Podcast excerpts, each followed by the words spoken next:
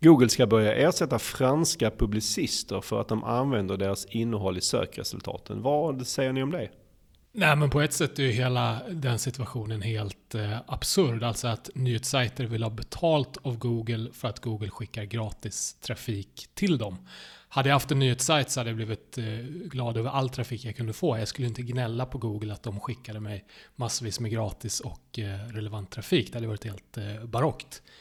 Sen är det ju så att många nyhetsmedier inte har lyckats eh, ställa om sina affärsmodeller till att bli tillräckligt lönsamma i det digitala och eh, det är därför de här kraven ställs från många håll. Och eh, då hamnar ju Google i skottgluggen som den maktfaktor de har blivit och ju tagit en stor del av annonsintäkten från de här tidningarna vilket gör det svårare för dem att göra sitt jobb och bevaka vad som sker i vårt samhälle.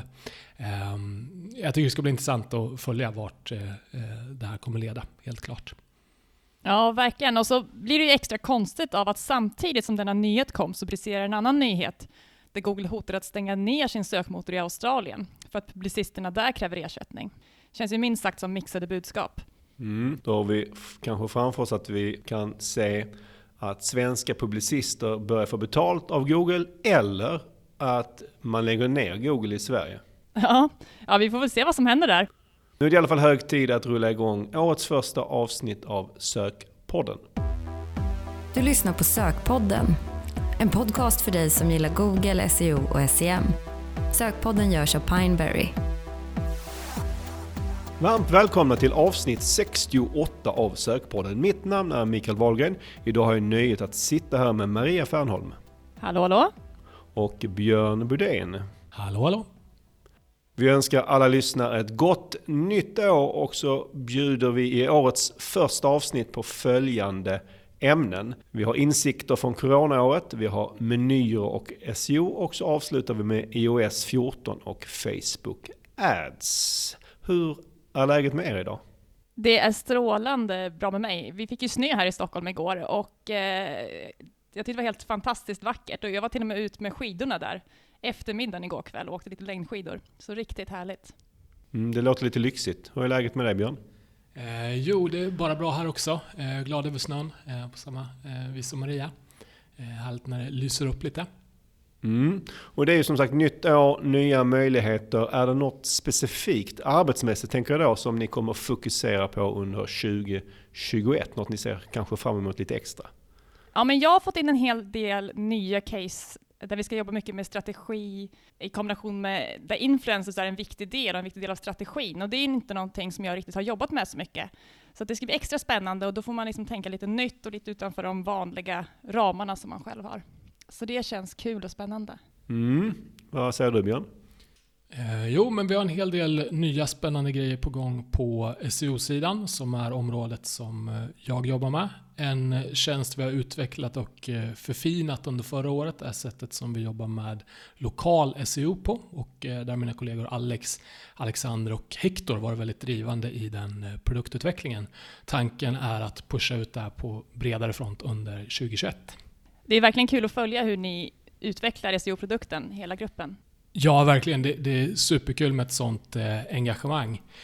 Sen har vi som ambition att eh, höja oss både ett och två snäpp när det gäller eh, automatisering. Eh, och vår kollega Sonlad har tagit sig an rollen som Automation Manager och kommer driva det för alla produkter här på Pineberry. Och vi har jättemånga idéer på både interna och externa verktyg som vi skulle vilja bygga. Så det känns jättespännande. Så lokal SEO och automatisering kommer vara två viktiga fokusområden under 2021 för oss. Vilka bra och spännande grejer ni tänker fokusera på 2021. Mm. Mitt eh, fokus jag har tänkt för min egen del, det känns lite futtigt i sammanhanget. För jag, jag ser framför mig att jag ska ägna mer tid åt att läsa. Och kanske då främst facklitteratur och kanske en del tidskrifter. Och det finns ju inte så mycket om digital marknadsföring så det är kanske mer om ämnena runt omkring jag tänker mig som. Marknadsföring i stort kanske, kommunikation, teknik, internet, företagande och så vidare. Det är en av de sakerna som jag hoppas hinna med lite extra mycket under 2021. Spännande. Vad, vad, läser du nu? Och läser du liksom i en fysisk bok eller läser, lyssnar du? Alltså jag har försökt lyssna. Jag älskar ju att lyssna på poddar, men jag, har, jag klarar inte av att lyssna på böcker. Fråga mig inte varför. Det krävs ett längre avsnitt för att eh, reda ut det tror jag. Så jag läser på fysiskt papper. Eh, och just nu läser jag en bok om Netflix som heter No Rules Rules. Den har eh, börjat lovande, vi får hoppas den fortsätter så. Och på tal om att börja så är det väl dags att vi kör igång dagens första ämne. Idag ska vi börja prata om eh, våra insikter från coronaåret. I mars förra året när krisen började blåsa upp, då pratade vi om digital marknadsföring i kristider. Det var i avsnitt 59 om någon har missat det. Nu tänkte vi prata lite om samma sak fast kanske då från perspektivet att vi nu levt med detta i snart ett år och vilka insikter och lärdomar har vi med oss? Och då kanske inte 100% bara kopplat till situationen med Corona utan vad vi kan ta med oss in i framtiden även när Corona förhoppningsvis är löst. Eh, var ska vi börja här tycker ni? Ja, men vi kan väl börja med hur snabbt digitaliseringen har gått under året. Mm, det är en bra start Maria. Många säger att vi på ett år har kommit fem år framåt i digitaliseringen av samhället. Eh, håller ni med om det? Ja, alltså jag vet inte hur många år vi har förflyttat oss framåt, men helt klart har det ju hänt vansinnigt mycket. Vi ser ju många kunder, framförallt e-handlare, vars efterfrågan ökat enormt under året. Tror ni att detta kommer vara en bestående effekt även efter corona? Ja, Sen eh, kommer vi säkert börja handla eh, mer i fysiska butiker igen. Men en stor del av den digitalisering som skett kommer eh, ju säkerligen fortsätta hålla i sig. Ja, och jag tror också att ökningstakten kommer att vara fortsatt hög efter corona. Och när bollen väl är i rullning så är den såklart svår att stoppa och varför man nu skulle vilja stoppa den. Finns det något negativt med att digitaliseringen har gått på raketbränsle under året som gått? Ja, Alltså vissa fysiska butiker är ju säkert inte så nöjda, men samtidigt är detta en förflyttning som hade hänt ändå tror jag. Och bara det att den nu kom lite snabbare. Men eh, det jag tänker på från ett marknadsföringsperspektiv är att man inte ska glömma att, att vi har gått på just raketbränsle under året. Hur menar du då? Ja, men säg att du är e-handlare som bytt byrå precis när pandemin startade och du ska nu utvärdera byråns arbete. Det kan ju då vara lite svårt och klurigt att veta vad som faktiskt var corona och vad som var byråns förtjänst. För säkerligen har ju då gått på raketbränsle och fått ett fantastiskt resultat som då ska jämföras med året innan. Eh, och för att ta ett exempel där så har jag exempelvis en kund som säljer tyger och de valde att satsa stort på annonsering på Facebook och Instagram i början av mars. Och på en gång så gick det jättebra. Men, men det blev extremt svårt att utvärdera. Vad var corona och vad var den här nya kanalens förtjänst? Dessutom såg vi en bättre konverteringsgrad på sajten och ökade sökvolymer. Eh, så vad det var det egentligen? Eh, jag tycker det är en jättebra poäng Maria och eh, det är viktigt att ta med sig det när man utvärderar sin marknadsföring. En grej som jag tycker det pratas för lite om är hur lätt man blir för nöjd med sin försäljning i handeln på grund av just det ja, raketbränsle som Corona erbjuder. Och eh, från ett eh, SEO-perspektiv så har jag sett sajter som faktiskt försämrat sin organiska synlighet på Google ganska rejält. Det vill säga rankingen på väldigt många sökord är markant sämre än för ett år sedan. Men det här är ingenting som märks på sista raden eftersom sökvolymen är högre eh, än tidigare och eh, de användare som besöker sajten handlar i högre utsträckning än förut. Och trafiken kan i många fall också öka. Så man kan göra sämre SEO och ändå eh, slå försäljningsrekord. Hur tycker du man som marknadschef eller ansvarig för en e-handel ska eh, undersöka om man har hamnat i den typen av fälla, man har den typen av problem? För det är lätt kanske att man tittar på sista raden och så ser siffrorna jättebra ut. Mm. Eh, nej, men mitt tips är att eh, man följer den aggregerade synligheten på Google för eh, sin sajt och hur den utvecklas över tid. Eh, det kan antingen vara synligheten för hela sajten eller rankingen på en större mängd sökord som är viktiga för dig. Och eh, går synligheten uppåt så är det bra, men går den neråt så har du problem. För då säljer du inte för så mycket som du skulle kunna göra trots att dina försäljningssiffror kanske ser väldigt, väldigt bra ut. Vilka verktyg använder du när du undersöker detta? Man kan använda Systrix Visibility Index. Eh, det är ett bra alternativ. Eh, där får man ett mått på synlighet som inte tar hänsyn till eh, dopade sökvolymer på grund av corona. Sen Accuranker har en liknande funktion som heter Share of Voice där du själv kan välja ut sökorden som du följer utvecklingen på. Och sen är det också viktigt att tänka på det motsatta scenariot. Säg att du är ansvarig för ett marknadsföringen för ett företag i en bransch som drabbas hårt av corona då lär ju dina resultat vara dåliga. Men det beror ju sannolikt inte på att du har gjort ett dåligt jobb utan att Eh, det är ju på grund av corona helt enkelt. Mm. Och då blir det svårt att jämföra year on year. En annan sak som jag tar med mig från året som gått, det är att hantera det här med osäkerhet. Många upplevde det säkert ganska svettigt där i slutet av mars förra året. Jag gjorde det i alla fall. Och samtidigt så blev detta ju till slut en ganska stor möjlighet för ganska många. Ja, ja, under första delen av corona, innan sommaren, så var det ju väldigt många som drog i handbromsen för sin egen marknadsföring. Och det var ju just på grund av den här osäkerheten som fanns, som man, man själv också kände av. Eh, och det som istället vågade gasa tjänade ju en del. Jag vill säga på de kunderna som vågade satsa när andra bromsade att de tog ju marknadsandel och har vuxit ännu mer än, äh, än övriga i sin bransch. Ja, precis. Och här upplever, upplever jag att många lärde sig hantera osäkerheten. För sen i höstas så känns det ju som att många av de som bromsade har släppt lite grann och börjat gasa igen. Mm, jag håller med. Tittar man för vår egen del så ser man eh, i auktionsinformationen i Google Ads att i våras så var det ganska många eh, branschkollegor som ställde sig lite på bromsen medan många av dem var tillbaka nu i höst. Så, att, eh, så såg det nog ut i många branscher. Och för att hantera just den osäkerheten så är det ju extra viktigt att eh, man har koll på sina siffror och litar på dem. Vissa av de som bromsade eh, gjorde det säkert av rätt anledning men eh, andra kanske för att de inte riktigt hade koll på sina siffror. Så är det garanterat och det ser vi ju som sagt nu när fler har börjat satsa igen här i, i, under hösten. Och eh, det är ju sannolikt inte för att siffrorna var så mycket bättre i, nu i höst jämfört med i vår. Utan kanske mer att man litar lite mer på siffrorna och inte den här känslan som eh, osäkerheten skapade. Och samtidigt förstår jag att många gick på känsla under förra våren. För det var ju ett tag väldigt oroligt hur allt skulle landa. Ja, verkligen. Men lärdomen därifrån är väl att när det stormar eh, runt om en så börjar man kolla i alla fall hur det ser ut i eh, GA. För om det fortsatt ser, ut, ser bra ut där så är det en lugnande faktor. Ja, för det är ju faktiskt så att de som bromsade sin marknadsföring av fel anledning i våras, eh, de förvärrade ju kanske egentligen bara sin egen situation. Exakt, eller de har inte växt så mycket som de skulle kunnat. En annan sak jag tror Corona har gett raketbränsle till det är att vara flexibel och öppen för nya lösningar. Ja, definitivt. Både när det gäller kanalval och vad man faktiskt marknadsför. Det har varit fantastiskt att se hur många företag som har utmanat sin kreativitet och testat nya produkter och tjänster. Verkligen spännande. Jag läste bland annat nyligen om ett företag som sålde utrustning till restauranger vars försäljning då mer eller mindre dog ut, vilket man förstår. Och deras lösning var att börja sälja sina produkter till privatpersoner istället och på det sättet så hade de ju tagit sig igenom krisen. Nu vet jag inte om det gäller för just det här exemplet men det, man kan ju tänka sig att den typen av företag kanske efter krisen så fortsätter de att sälja både till företag och privatpersoner.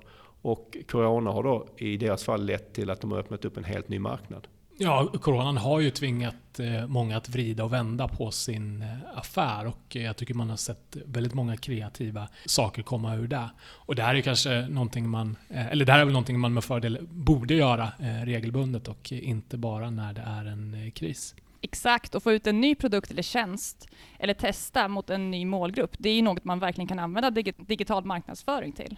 Det kostar inte så mycket och man får ju data mer eller mindre direkt. Jag har till exempel en kund där vi kompletterade det klassiska julbordet med julkasse, nyårskasse och nu testar vi helgkasse. Och det har ju verkligen varit kul att få vara med och, och följa dem och hjälpa dem ta fram nya produkter som de förhoppningsvis kan fortsätta med även efter corona. På tal om flexibilitet, så en positiv sak jag hoppas blir en följd av corona är att vi släpper våra fasta marknadsföringsbudgetar. Ja, hoppas kan man ju alltid. Ja, vi får väl se hur det blir, men där mitt i stormens öga i mars, april förra året, då var det ju ganska få företag som sa så här att årsbudgeten är, för marknadsföring är satt, nu kör vi vidare på den oavsett. Ja, nej, knappast va? Och självklart fanns det all anledning att ändra budgeten då, antingen upp eller ner beroende på hur det såg ut. Och de som inte har ändrat sin budget har sannolikt förlorat på det, oavsett om det har handlat om att man ska öka den eller minska den. Men detta gäller ju alla år att man missar möjligheter om man ligger fast vid en statisk marknadsbudget. Och min förhoppning då är att fler och fler börjar se marknadsbudgeten som flexibel och att den beror på hur det går och vilka möjligheter som finns. Ja, ett eh, öppet sinne och en flexibel budget har ju helt klart eh, varit bra saker att ha under coronaåret. Ur ett lite större perspektiv så var ju förra året, coronaåret, på många sätt ett rent ut sagt skitår. Ja. Men samtidigt kan vi ju konstatera att för oss som jobbar med digital marknadsföring så var det i alla fall ett väldigt lärdomsfullt år. Jo, eh, så får man ju se det. Även om eh, det har varit ett riktigt dåligt år på så många sätt så eh, har vi lärt oss mycket. Ja, och att det var många tvära kast gjorde också att man fick mer insikter än ett vanligt år. Och något som jag verkligen har tagit med mig är ju att bara för att siffrorna i GA ser bra ut så betyder inte alltid det att våra kunder är lönsamma. För ökad, ökad försäljning betyder också mycket eh, högre personalbehov, ökat lager etc. Och det är inte alltid så lätt för våra kunder att snabbt ställa om som det nu var under det här året. Mm. Det är skönt att vi i alla fall har eh, kunnat eh, hitta lite lärdomar och insikter från eh, förra året. Och med det så lämnar vi detta ämnet och går raskt vidare till nästa. Nu ska vi prata om menyer och SEO. Vi var inne lite på detta i avsnitt 29 när vi pratade om interna länkar rent generellt. Men idag ska vi prata specifikt om menyer och SEO. Hur äh, låter det tycker ni? Ja men det låter väl lysande. Hur viktigt är menyer för SEO skulle du säga Björn? Mm, ja, men ens meny, alltså navigeringen, är ju en viktig del av eh, sajtens struktur och eh, ett eh, verktyg för att få länkkraften att flöda till rätt sidor på din sajt. Och menyn finns ju på varje sida på din sajt, så de, de länkar som du har i menyn kommer att bli högt prioriterade av Google. Och eh, man kan säga att ju större sajt desto viktigare blir det att man verkligen tänker till kring hur menyn är utformad och eh, vad man placerar för länkar där. Ja, och ju större sajt desto mer komplext blir det. Precis. Björn, har du något exempel på en större sajt som du tycker har en bra meny? Eh, jo, men Zalando tycker jag är ett bra exempel. De eh, länkar till de viktigaste sidorna eh, i menyn. Och, om vi tar ett exempel, vi kan gå in på sidan för rockar och nå den från menyn. Och, först när vi kommer därifrån så kan vi nå under sidorna vinterrockar, korta rockar och så vidare. Så det, det är ett bra exempel på en, en stor sajt som, som gör det bra med menyn. Mm. Om man nu ska försöka göra som Zalando, att göra en bra meny och tänka SEO, var börjar man då? Eh, man får börja eh, utifrån sin eh, sökordsanalys. För när du vet vilka sökord du vill synas på så kan du börja prioritera bland dina sidor och hur hierarkin på sajten ska se ut. Att utgå från sökord är ju även ett bra sätt från ett användarperspektiv, då du utgår från faktiska sökvolymer. Annars är det lätt att man fastnar i ett inifrån och uttänk när man tar fram sin navigering. Ja, exakt. Och det hänger ju mer eller mindre ihop alltid, eh, i min värld i alla fall. Och det är som sagt här det börjar bli lite komplext om man då har många viktiga sökord som man vill synas på, eller hur? Precis, för du vill ju inte länka till alla dina sidor i eh, toppmenyn eh, om du har många sidor, utan istället bygga en bra hierarki med eh, hjälp av menyn. Och eh, har du många sökord som är viktiga för dig, som det ofta är för e-handlare, då gäller det att man eh, gör en tydlig prioritering här. Ja, och detta kan faktiskt också bli en utmaning även för lite sajter med färre sidor som säger tjänsteföretag. Det är ju inte sällan man ser att de har kanske ett menyval som heter våra tjänster för att sen på den sidan i bästa fall eh, länka vidare till sina specifika tjänster. Och det är ju egentligen sidorna för de specifika tjänsterna som är de viktiga och inte samlingssidan. Eh, hur har vi själva löst det? alltså vi är ju såklart ett tjänsteföretag och vi har väl samma utmaning. Och vår lösning är väl kanske inte 100% perfekt utan till viss del i alla fall en form av kompromiss mellan olika perspektiv. Och vår lösning som man såklart kan gå in och kolla på själv det är att vi har ett val som heter just tjänster i toppmenyn. Men den leder inte till en ny sida utan när du klickar upp den så att säga så får du, kan du välja bland våra olika tjänsteområden direkt som SEO, Google Ads och så vidare. Så man kan på ett sätt säga att vi har våra tjänster på högsta nivån, i alla fall typ. Eh, vad är det då som är en kompromiss? Men kanske att man, om man vill göra det helt optimalt så hade jag kanske velat skriva ut tjänsterna direkt i huvudmenyn.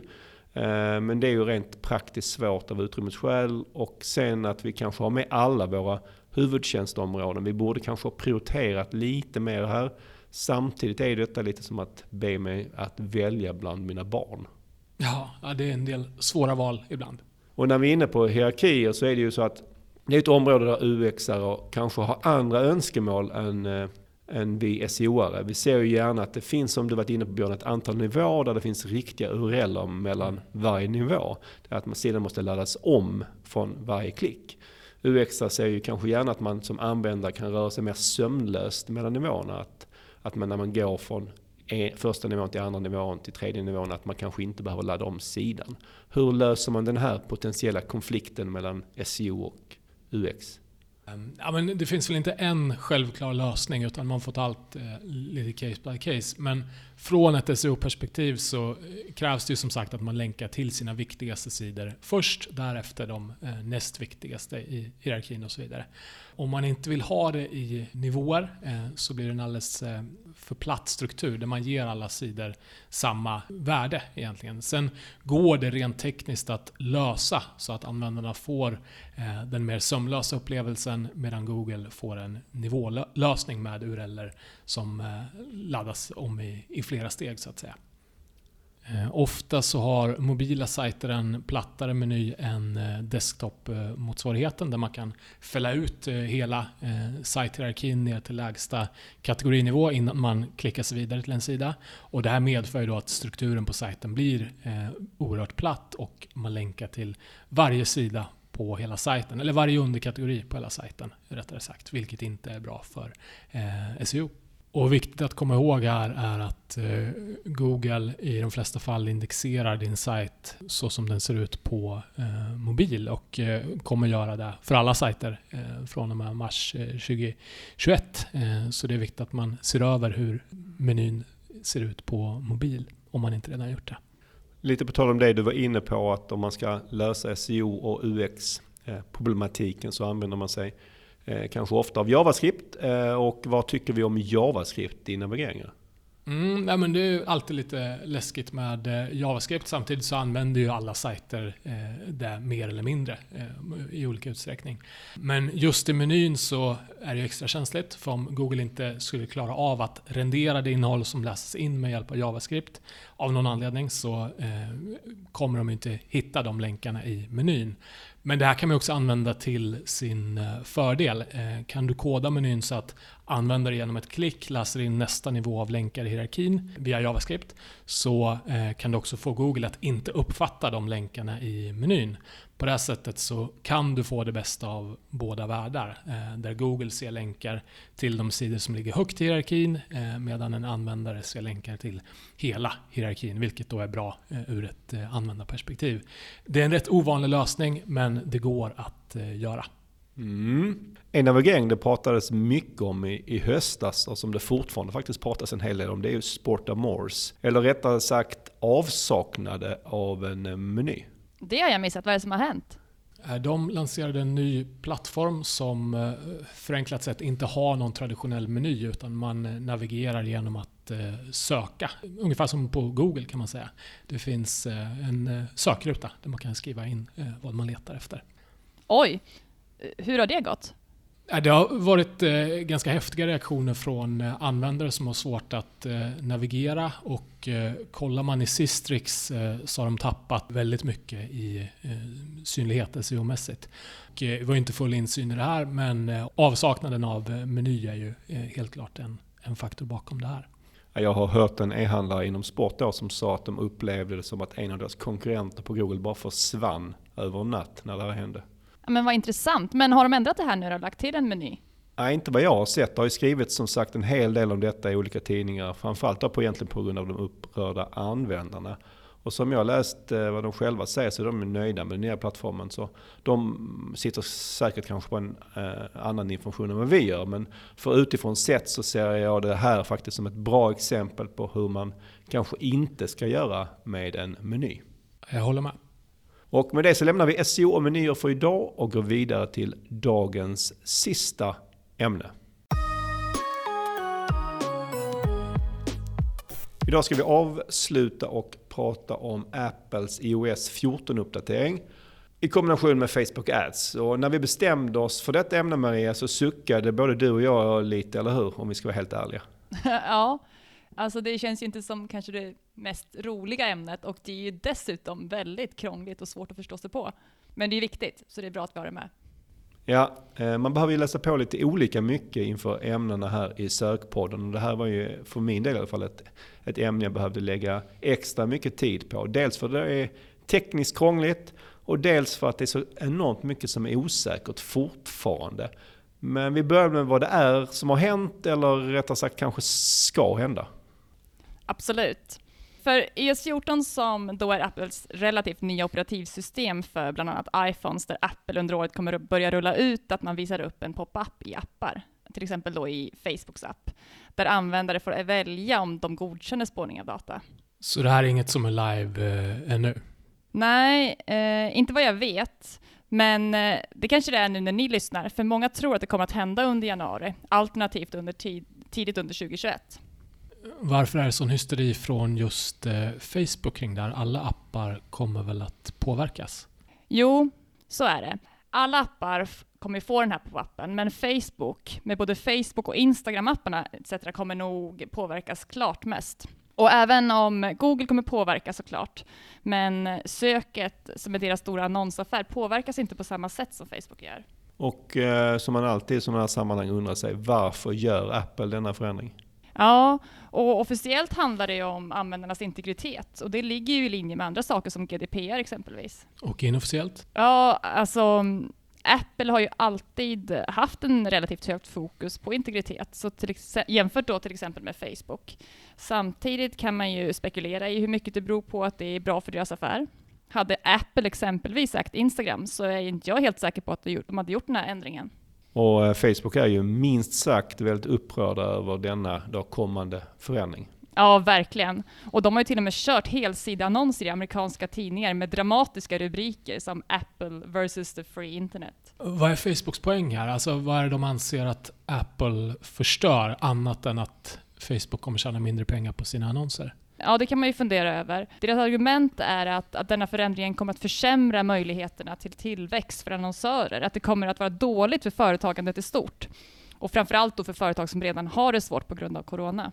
Ja, och oavsett vad man tycker om sakfrågan så är det svårt att se detta, inte i alla fall på något sätt, är något form av ställningskrig mellan techjättarna.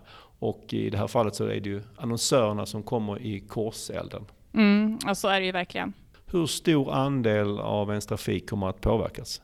Ja, det beror ju på hur stor andel av dina besökare som kommer ha iOS 14 och hur många av dem som väljer att inte spåras. Och det där vet vi ju inte riktigt, men man ska ju komma ihåg att det bara är en viss del av din trafik som påverkas och inte all trafik från Facebook. Fram tills eh, hit har det varit ganska enkelt, men om vi börjar gräva i vad som rent praktiskt händer i med pop-upen, då börjar det bli lite krångligt. Ja, och det är ingen eh, som vet exakt hur det kommer bli. Och det är ju Facebook faktiskt själva väldigt tydliga med. Vilka områden skulle du säga inom Facebook Ads är de som kommer påverkas mest av denna förändring? Ja, det är väl Audience Network och att annonsera för appar. Mm, och det som kanske många kanske tycker är väl hyfsat bra med det här inom situationstecken då, på bra, det är väl att för många annonsörer så är det kanske inte där man har sitt fokus. Nej, precis. Men hur skulle du säga att den mer traditionella vanliga Facebook-annonseringen påverkas? Ja, en förändring som, som redan har skett i, i flera av mina konton i alla fall, det är att attributionsmodellen har ändrats från, eh, till sju dagar klick och en dags visning. Och innan var det då 28 dagar klick.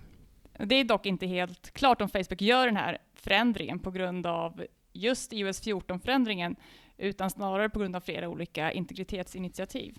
Sen är det väl såklart det mest intressanta vad som händer med de som väljer att inte bli spårade i den här nya pop-upen som kommer komma. Mm, ja, verkligen.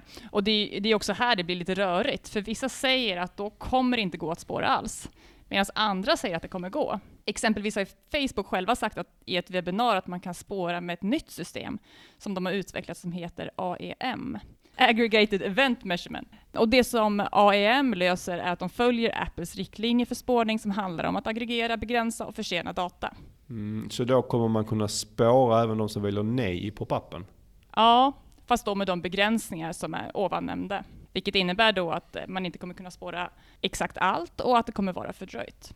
Hur många konverteringar kommer man missa och hur fördröjd kommer infon vara från de, de här som har tackat nej till att bli spårade? Eh, Ja, den kommer ju vara upp till tre dagar fördröjd. Och eh, exakt hur många konverteringar som man inte ser, det vet vi inte än. Det vet jag inte om vi någonsin kommer veta. Och dessutom kommer ju Facebook på något sätt försöka modellera fram tappet. Sen ska man inte glömma att eh, man får ju konverteringarna oavsett. Det handlar ju om att man inte kan mäta dem i Facebook Ads. Precis, värdet av att annonsera på Facebook och Instagram är ju lika högt som innan. Det är bara svårare att bevisa värdet. Det som är viktigt, tänker jag, det är väl att de närmsta månaderna att man, att man inte jämför med tidigare data. För det blir lite grann som att jämföra äpplen med päron. Mm. Finns det något i den så att säga, vanliga annonsering på Facebook som vi vet kommer att bli definitivt sämre? Eh, ja, exempelvis retargeting. Och det är väl egentligen den, den förändring som jag känns, tycker känns mest skrämmande. Det kommer bli svårare att bygga upp stora retargeting-målgrupper. Och, och det är ju en viktig målgrupp för många av våra annonsörer. Här tror jag eventuellt att vi kan se ett stort intäktstapp för det, de annonsörer som har många återkommande kunder som de då inte kan visa annonser för på samma sätt. Säg exempel ett online-apotek. I de värsta fallen så kan ju även den här att retargeting-målgruppen är mindre påverka konverteringsgraden. För vi vet ju att, att det är positivt att kunna påminna, våra kund, påminna potentiella kunder om tjänster och produkter. Hur tycker du man som annonsör ska försöka förbereda sig på den här eh, förändringen? Det är såklart bra att läsa på om ämnet. Och så finns det några saker som Facebook säger att man kan göra. Som exempelvis att verifiera sin domän i Facebook, Business Manager om man inte redan har gjort det, och välja ut åtta konverteringshändelser som man prioriterar. För det kommer man också vara begränsad till. Och sen tänker jag att kanske den viktigaste biten är att mentalt förbereda sig på att man inte kommer se värdet av annonseringen exakt på samma sätt som innan. Och eh, jag tänker att man måste sitta lite grann lugnt i båten och inte göra några stora drastiska förändringar i sin annonsering. Bara för att man inte ser samma resultat som föregående månad eller föregående år. Det är lite på samma tema som eh, när vi pratade om lärdomar från coronaåret, att eh, kunna hantera osäkerhet. Ja, exakt. Och som vi var inne på så kommer ju inte det faktiska värdet av annonseringen minska, så de som lyckas hantera den här osäkerheten eh, med att de inte kan se hela värdet kan ju kanske till och med dra fördelar av den här förändringen om andra annonsörer väljer att ändra sin annonsering på grund av att de inte ser hela värdet. Ja, det är en bra slutkläm Maria. Ingen vet ju exakt vad iOS 14-förändringen kommer att innebära för Facebook Ads, men om du kan hantera den här osäkerheten som det innebär, eh, då kanske inte det behöver bli så illa som det först kanske kan låta. Och eh, med det så återstår det endast att avrunda årets första avsnitt.